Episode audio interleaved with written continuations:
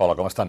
Ni vostè ni jo som experts en pandèmies, ni molt menys en devins, però ja es veu a venir que si continuem mig oberts o mig tancats, com vulguin veure de plena l'ampolla, els hospitals se'ns començaran a omplir i, sobretot, més persones moriran de Covid-19. Anem malament. I això acabarà, ja es veu, amb restriccions més severes per la setmana que ve, la setmana de Nadal.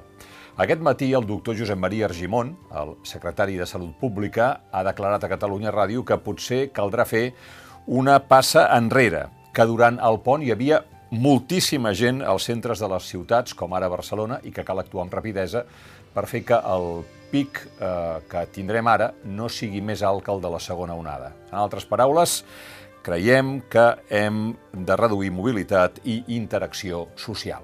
Dades. A Catalunya tenim 2.000 contagis les últimes 24 hores.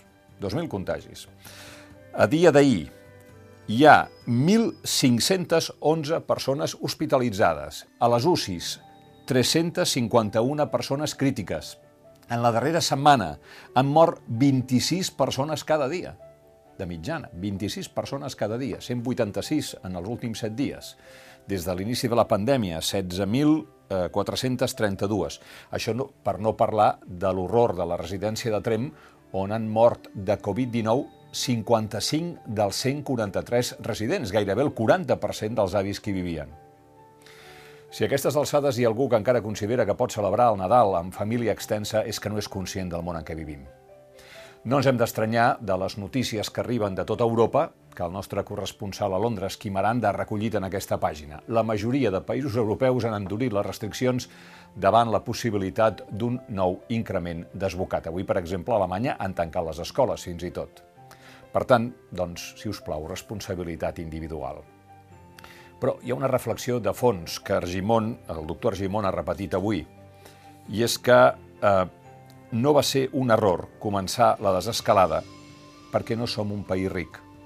Si tinguéssim capacitat de fer ajudes directes, seria una altra situació.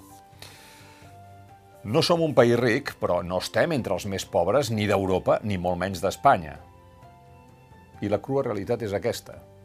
43 anys després de restablerta la Generalitat, quan més ha calgut ajudar la societat catalana, menys ho ha pogut fer el nostre govern.